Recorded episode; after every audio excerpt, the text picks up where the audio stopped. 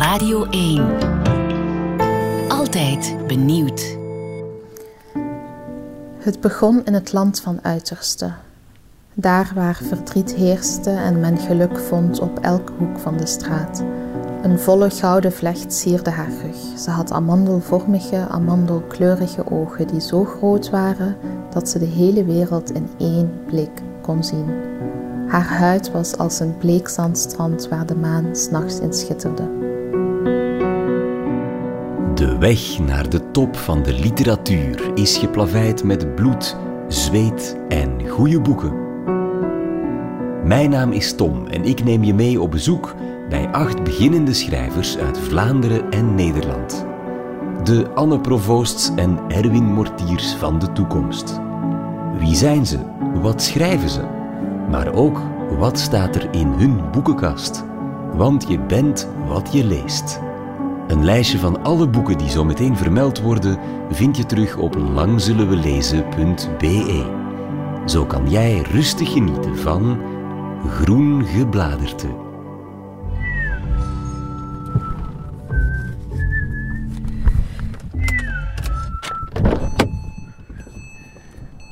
Voilà, ik sta voor het huis van Eya Sabi. Ze is 25. Uh, nu staat dat huis nog in Willebroek, maar ik weet dat ze binnenkort gaat verhuizen. Ik ken Eya ook een klein beetje en ik weet dat ze zo meteen wellicht heel bescheiden en bijna verlegen gaat klinken. En toch is zij het die al die vlijmscherpe tweets over maatschappelijk onrecht schrijft uh, en ook opiniestukken in de morgen. Je kent haar misschien ook al van haar debuut Verkruimeld Land, een heel uh, zintuigelijke verzameling magische, rauwe kortverhalen. Ik vond dat heel knap. Ze werkt ondertussen ook aan een tweede boek waar ik alles over wil weten. Maar eerst ga ik je naar boekenkast neuzen. Ja, we staan uh, in jouw woonkamer, die al flink leeg is. Er staat ook een, uh, een matras tegen de muur. Je gaat verhuizen, maar de boeken zijn nog niet ingepakt. Die heb je tot het laatste bewaard. Ja, omdat uh, ja, voor de eenzame avonden en voor als je je wat minder voelt of voor als je je wat beter wil voelen, dan komt een boek goed van pas natuurlijk. Op tamelijk veel ruggen plakt zo'n typisch wit stickertje ja. met een code op. Dat zijn bibliotheekboeken. Ben jij, heb, je, heb je die gestolen en nooit teruggebracht? Ja, ik ben ze vergeten terug te brengen. Dit zijn vooral boeken die ik tijd... Ik, ik koop bijna al mijn boeken tweedehands. Ik zou ze liever nieuw kopen, maar moet ook, ik heb nog andere kosten ook. Hè. Vooral bij 11, 11, 11. Ik weet niet of ze dat hier ook hebben. Maar in Genk is er dan een heel grote boekverkoop in de bibliotheek. En daar ga ik altijd als een van de eerste naartoe om alle goede boeken daaruit te halen. Welk boek heb je al het langst? Uh, dat is een kinderboek. Oh, dat ligt boven. Mag je dat even snel gaan halen? Natuurlijk, graag zelfs. Dat is dit boek. Robbie is een waaghals. Ja, Robbie is een kleine waaghals. Altijd is hij aan de gang, hij springt en klimt en rent en fietst. Voor niks en niemand is hij bang. ja, dus eerst las mijn moeder het me voor. Hij ging altijd op bezoek bij opa en oma. Uh, en dan deed hij allemaal, haalde hij allemaal kattenkwaad uit. Daarna heb ik het zelf gelezen en aan mijn zusje voorgelezen. En we lazen het echt altijd opnieuw. Misschien ook gewoon omdat het rijmde. En omdat het ook zo herkenbaar was, want wij waren ook bijna elke dag bij opa en oma. Het is een, een werkelijk beduimeld exemplaar, maar je bent dit aan het bewaren. Ja, goed gezien, inderdaad. Ja, voor het nageslacht. Ja, maar over tien jaar. Herinner je je dan ook nog het boek dat je dan veel later, als tiener wellicht, gelezen hebt, waarvan je dacht van, wauw, literatuur. Ik was geen eenzaam kind, maar ik was eenzaam als en ik had niet zoveel mensen om mij heen. Uh, boeken hebben eigenlijk elk, elk, um, alle leegtes die er zouden kunnen zijn in mijn kindertijd gevuld. Jeroen Brouwers, um, Bezonken Rood. Ja. Dat was echt zo'n overgang van, oké, okay, nu lees ik echte literatuur.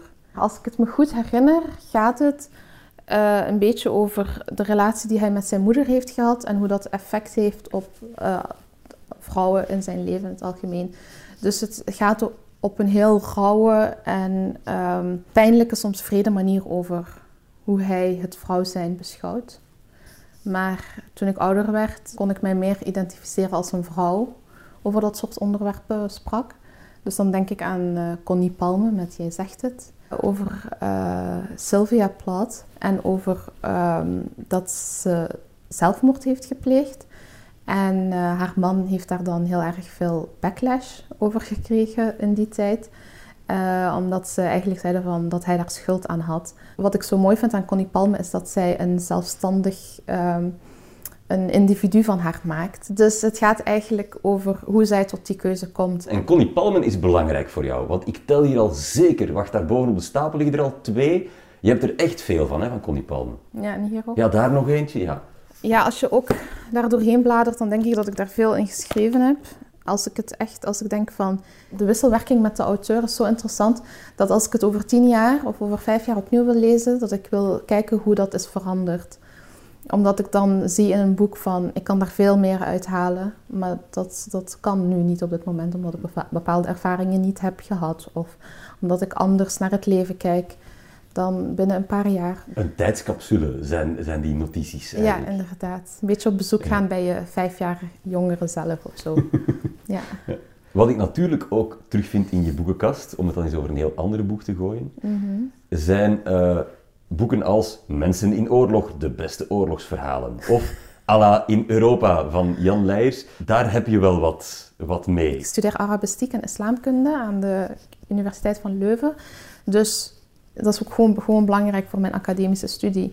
Dus als ik dan zelf mag kiezen wat ik lees, dan lees ik liever iets wat, uh, wat gewoon fix, fictie is en dichter staat bij mijn literaire carrière of zoiets. Als je Arabistiek studeert, dan kom je natuurlijk um, meteen uit bij het mooiste boek in je kast, de Noble Quran. Ja. In the English language. Het is een prachtig versierd boek. Ja, ik heb die cadeau gekregen toen ik uh, trouwde. Jij, doet hem, jij doet hem aan de achterkant open, of is dat de bedoeling? Ja. Nee, um, in het Arabisch lezen ze andersom. Daarom zijn onze cijfers ook, omdat het Arabische cijfers zijn. Dat wist ik, maar de Engelse tekst staat ernaast. Dus die begint ja. ook achterstevoren. Hoe hebben ze dat nee, dan nee, gedaan? Nee. dus zij beginnen hier. Ja. En in het Engels begin je dan aan deze kant.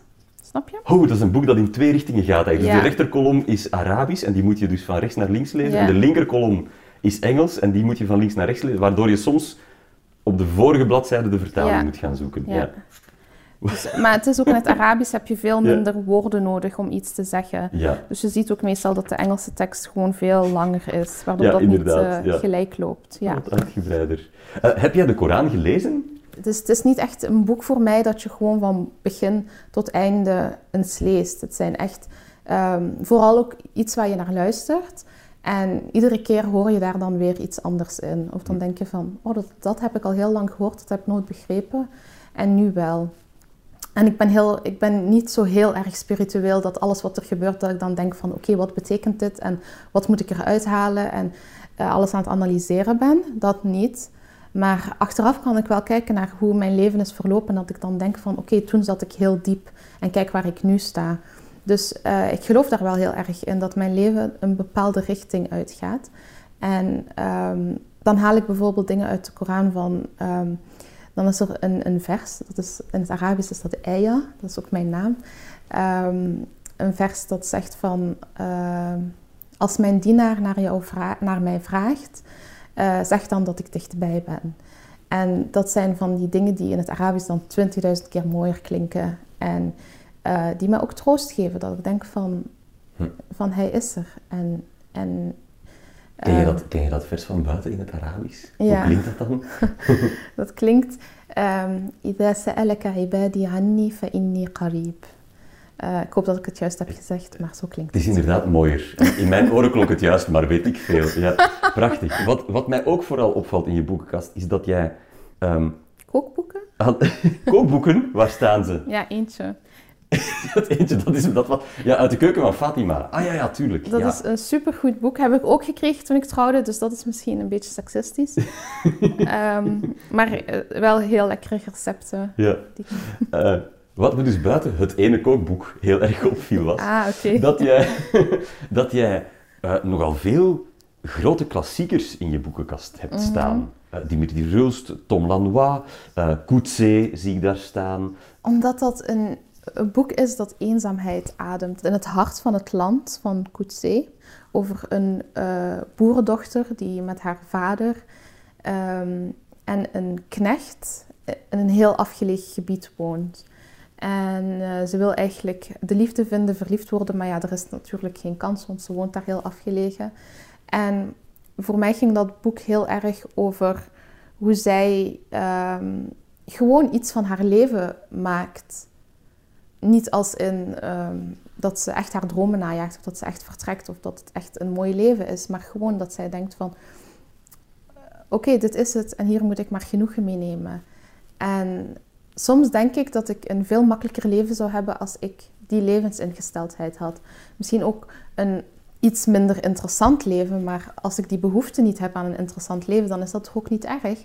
Poëzie. Je hebt het daar straks ook al even aangeraakt dat gedichten mhm. ook een belangrijke rol spelen in je leven. Heb je een, een, een tip voor ons als we nog eens een, een nieuwe dichter willen ontdekken?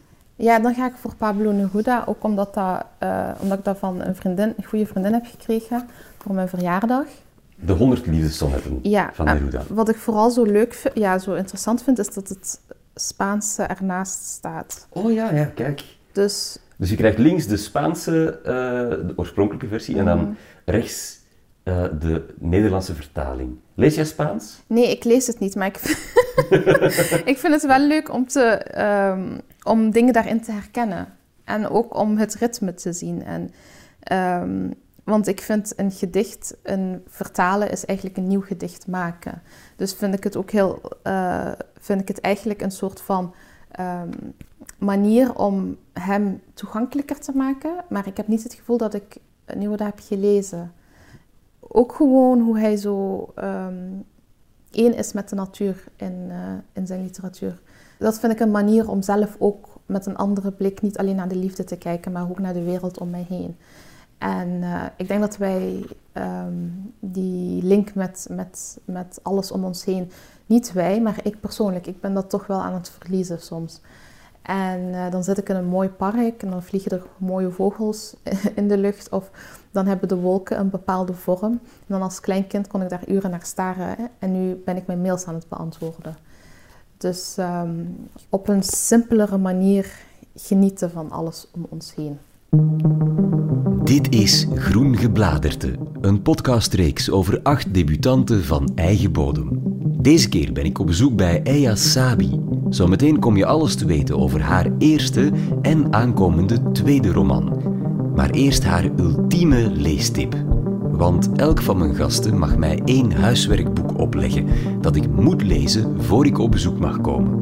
Bij Eya was dat De buitenkant van meneer Jules van Diane Broekhoven. Alice wordt wakker en treft haar man keurig aangekleed en ook morsdood op de sofa aan. Ze weet dat ze hem voorgoed kwijt zal zijn zodra ze iemand verwittigt. En dus houdt ze zijn dood nog even geheim. Intussen vertelt ze hem, nu hij toch nergens meer heen kan, alles wat ze nog aan hem kwijt wou. Ik heb het echt drie jaar geleden gelezen. Ja. Maar omdat het eigenlijk zo kort is, denk ik wel dat het een mooie introductie is. Ehm, voor heel veel mensen om, om kennis te maken met ehm, iets wat echt goed is. En ook uh, voor andere mensen die al veel lezen, een, een, mooi tussendoortje. Ik vind het gewoon heel mooi natuurlijk, omdat het gaat over alles wat we niet willen zeggen. En die symboliek achter iemand die eigenlijk al weg is, maar nog hier om nog even snel nog tegen te praten. Um, maar het is tegelijk ook zo jammer en zo tragisch. Want waarom dan pas? Het gaat over onder andere over oud worden, over liefhebben en dan sterven. Is dat iets waar jij nu al mee bezig bent? Want je bent piepjong. Ben jij bezig met je eigen vergankelijkheid en die van je omgeving? Ja, ik denk dat ik daar wel heel erg mee bezig ben. En ik denk ook inderdaad dat het boek zo goed is, omdat het alles samenvat. Maar wat ik daaruit heb gehaald is dat je vooral niet, uh, vooral de dingen echt moet zeggen, gewoon. Ik denk dat dat alles beter maakt. Misschien niet op korte termijn, maar wel op langere termijn. Um, ik denk dat je uh, trouw moet blijven aan jezelf en wat je zegt en wat je denkt. En ik denk dat er heel erg veel um, dat wij doen, dat wij als schrijvers, dat dat een beetje onze taak is om te zeggen wat er niet gezegd wordt. En dat hoeft niet uh, heel groot en revolutionair en uh, politiek uh, getint te zijn. Dat hoeft het helemaal niet te zijn. Het, het, is ook vooral in onze intermenselijke relaties, waarin we heel, soms heel weinig zeggen en soms minder zeggen dan we eigenlijk zouden moeten zeggen. Ehm, mijn vergankelijkheid, ik ben daarmee bezig. In die zin van mensen vragen mij van zou je onsterfelijk willen worden, is dat waarom je schrijft. Maar ik wil juist met mijn sterfelijkheid kunnen omgaan. Ik wil niet zozeer dingen achterlaten, maar gewoon met de, de, de kleine, het kleine verlies, het alledaagse verlies, de dingen uh, die je achterlaat van jezelf, de mensen die je lief hebt. Dan gaat het over um, bijvoorbeeld iemand die sterft, maar ook um, dingen die je niet zegt aan de keukentafel en die je wel had moeten zeggen. Uh, en om met dat verlies om te kunnen gaan, om uh, met mijn eigen menselijkheid en tekortkomingen om te gaan, schrijf ik om een, om een soort van evenwicht te, uh, om in evenwicht te komen of in balans. Ja. En je houdt ook je mond niet als schrijfster. Hè? Want we, hier voor mij zit een, een heel beleefd, uh, ingetogen, uh, fijnzinnig iemand. Maar je pen is vlijm, vlijm, vlijmscherp geslepen. Is dat omdat jij vindt dat alles gezegd moet worden? Ja, want um, ik doe dat niet altijd. Ik, heb, uh, ik ben zo iemand die dan in bed gaat liggen en dan denkt van, oh, ik heb ruzie gemaakt met die persoon, dit en dit en dit had ik eigenlijk beter kunnen zeggen. maar dat is gewoon, uh, dat zijn gewoon banale dingen. Um, ik ben beginnen schrijven op het moment dat ik stiltes met me mee begon te dragen. En dat zijn de momenten dat ik eigenlijk iets had willen zeggen en het niet gezegd heb. En ik kan me dat nog zo levendig herinneren hoe ik me op die momenten heb gevoeld. Ik schrijf omdat ik het gevoel heb dat ik mij in woorden niet zo goed kan uitdrukken. Dus dan ga ik zitten en dan probeer ik mijn gedachten te ordenen en dan probeer ik er iets moois van te maken. Um, terug naar meneer Jules, naar de buitenkant van meneer Jules. Ja. Je leest het en je denkt, wauw wel, als het in mijn leven zo zou gaan, ik zou ervoor tekenen. Ja, Toch? het is ook een boek dat ik mijn man heb cadeau gedaan op zijn ver eerste verjaardag dat we samen waren. Uh, omdat ik dacht van, dit is misschien wel wat ik, wat ik wil. Mooi. En, en was het ook wat hij wou? Uh, hij heeft het nog steeds niet gelezen. Oh. uh, dit boek werd in Antwerpen geschreven. De eerste uitgever aan wie het werd aangeboden wou het niet uitgeven, vond het prut. Het werd dan ternauwernood toch uitgegeven. Het werd toevallig vertaald in het Duits, echt toevallig. Mhm. En bam, in Duitsland een mega bestseller, ondertussen dus vertaald in 15 talen. Als je schrijft om een bestseller te schrijven, dan kan je beter niet schrijven. Het is ook heel jammer, want het Nederlands uh, taalgebied is heel klein en um, heel erg ondergewaardeerd.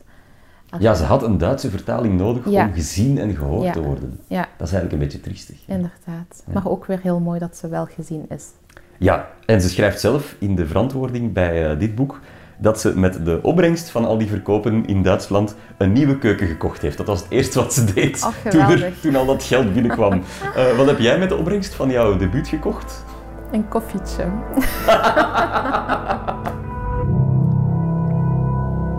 Eija is nog maar 25 en debuteerde toch al twee jaar geleden met Verkruimeld Land. Een hypnotische, zinnelijke verzameling verhalen over bijgeloof, thuisloosheid, extremisme en oorlog. Soms hard en wanhopig, maar ook liefdevol en genuanceerd. En vooral met een verzengende liefde voor het Nederlands. Maar sommige mensen zeggen dan wel van... Oh ja, maar het Frans is veel mooier of het Engels is mooier of daar kan je meer mee. Dat geloof ik niet. Ik denk dat, ik, dat je ook heel veel kan met het Nederlands. Maar om dan toch even terug te gaan naar Dian Broekhoven, naar Duitse vertaling. Als je in het Arabisch zou schrijven, Mhm. Ja. gaat er plots wel een markt voor je open. Ja, dat klopt zeker. Ehm, mijn debuut wordt nu ook vertaald naar het Turks, dus ik hoop dat daar eh, ook iets uitkomt, want dat zijn 80 miljoen mensen. Eh, Verkruimeld Land is een soort van magisch realistisch ehm, verhaal over een vroedvrouw die iedere keer dat ze eh, iemand op de wereld helpt, ziet hoe die persoon gaat sterven. En dan komen er eigenlijk vijf verhalen over het, niet zozeer het einde, maar, eh, het, eh, maar verliezen, oorlog, eh, verdriet. Maar ik denk dat ik ook geprobeerd heb om er een troostrijk boek van te maken. En alleen al met de taal ehm, mijn lezer schoonheid te bieden. Maar er gebeuren ook vooral een paar echt gruwelijke dingen in, in dat boek. Waar komt dat allemaal vandaan? Hoe, hoe is dat allemaal in Kleine Lieve Eja geslopen? ja, ik las en zag altijd dingen die ik eigenlijk niet had moeten lezen en zien. Uh, ik heb bijvoorbeeld toen ik 13 jaar was een documentaire gezien. En uh, dat ging over een klein meisje in een Afrikaans dorp dat bezeten werd verklaard en uh, eigenlijk mishandeld werd om, om weer te genezen. Daar heb ik dan eigenlijk een roman van proberen maken, omdat ik dacht van iedereen moet dit weten. En toen dacht ik, ik moet schrijver worden. En ik moet er een boek van maken. En ik heb dan gewoon elke dag, altijd als ik, als ik vrij was, of ja, heb ik dan dingen geschreven, heb ik dan gewoon geschreven zonder te herschrijven. En het was gewoon een soort van hobby eigenlijk. Ik heb dat wel opgestuurd naar een aantal uitgeverijen en kreeg altijd een nee terug. Maar dat verhaal heeft me eigenlijk nooit echt losgelaten. En ik heb daar dan ook een verhaal van gemaakt in mijn verhalenbundel uiteindelijk. Ehm, ik voel mij heel machteloos en betekenisloos als ik schrijf. En soms denk ik van, waarom doe ik het allemaal? Ik heb bijvoorbeeld dit hele jaar heel erg veel moeite gehad ehm, met het schrijven. En ik kom ook niet vooruit in mijn boek. Omdat ik dan denk van, oké, ik heb dit wel geschreven, maar misschien kan ik beter iets met mijn handen gaan doen. Of mondmaskers leren maken of iets anders. Maar als ik dan mensen tegenkom die wel iets hebben gehad aan mijn boek.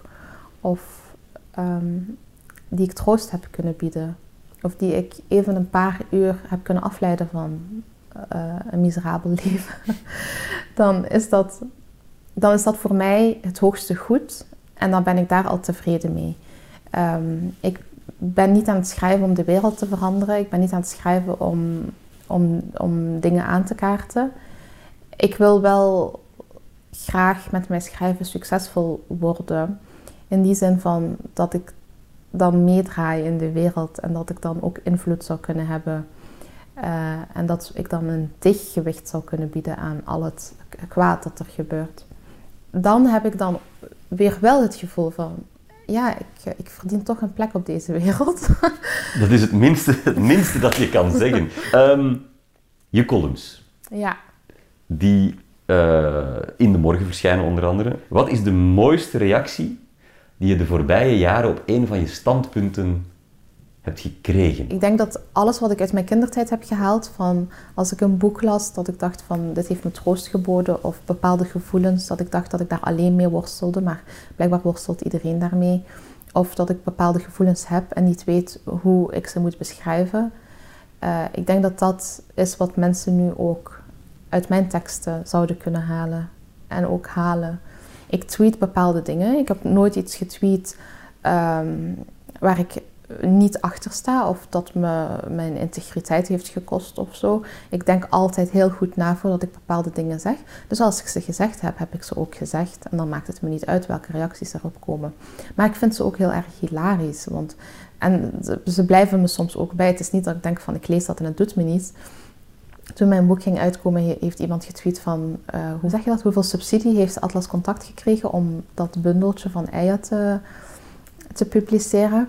En dan als dat dan uitkomt en ik krijg vier recensies in NRC en de recensent heeft alles eruit gehaald wat ik in mijn boek heb proberen te, te, leggen, dan denk ik van, dan voel ik mij nog waardevoller. Of dan denk ik van, kijk, um, ik word erkend je werkt aan een tweede roman.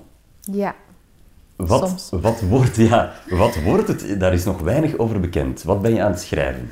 Ja, ik wil het graag zo houden, uh, omdat het alle kanten op kan gaan. Ik schrijf soms dingen en dan denk ik van wow, dit is zo goed. En dan de volgende dag wil ik mijn laptop verbranden. Um, dus dan begin ik weer helemaal opnieuw. Maar um, als het goed is, gaat het over uh, uh, drie generaties vrouwen, of twee generaties vrouwen. Maar het gaat over um, moederschap, over migratie. Want aan de ene kant wil ik niet onder migrantenliteratuur geplaatst worden, omdat, het, uh, omdat wat ik schrijf over zoveel meer gaat en zoveel breder is. En omdat jij geen migrant bent? Ja, ik ben wel van Nederland naar België gekomen. Jij bent een Hollander, dat is iets anders.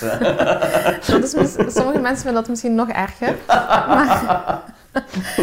Is het moeilijker of makkelijker om een tweede boek te schrijven? Het is veel moeilijker. Maar aan de andere kant probeer ik ook nu iets nieuws te doen, qua stijl vooral, en tegelijk trouw te blijven aan mezelf. En dus ik, het gaat niet zozeer om het publiek, maar het gaat om mezelf, omdat ik mezelf steeds ehm, meet met wat ik heb geschreven toen. En ik probeer het vooral ook veel beter te maken. Ehm, want sommige delen van Verkruimeld Land heb ik geschreven toen ik 18 jaar was. Dus ehm, ik ben gelukkig ook wel gegroeid. Maar tegelijk ben ik echt een perfectionist en is het nooit goed genoeg. Alle boeken die in deze podcast de revue passeerden vind je terug op langzullenwelezen.be. Wil je nog meer lezen van en weten over Ayasabi?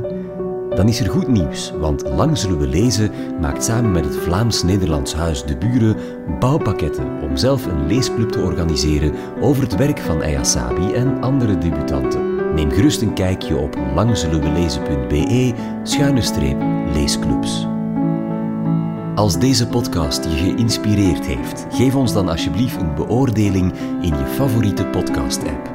En vergeet vooral ook de andere afleveringen uit deze reeks en de vorige niet te beluisteren. De wonderlijke muziek die je hier hoort werd speciaal voor ons gecomponeerd en uitgevoerd door Sander de Keren. Groen Gebladerte kwam tot stand in samenwerking met Sabam for Culture. Podcast van Lang zullen we lezen voor Radio 1. Dit was Groen Gebladerte, een podcast van Radio 1. Ontdek nog meer podcasts van Radio 1 in onze app of op radio1.be. Radio 1. Altijd benieuwd.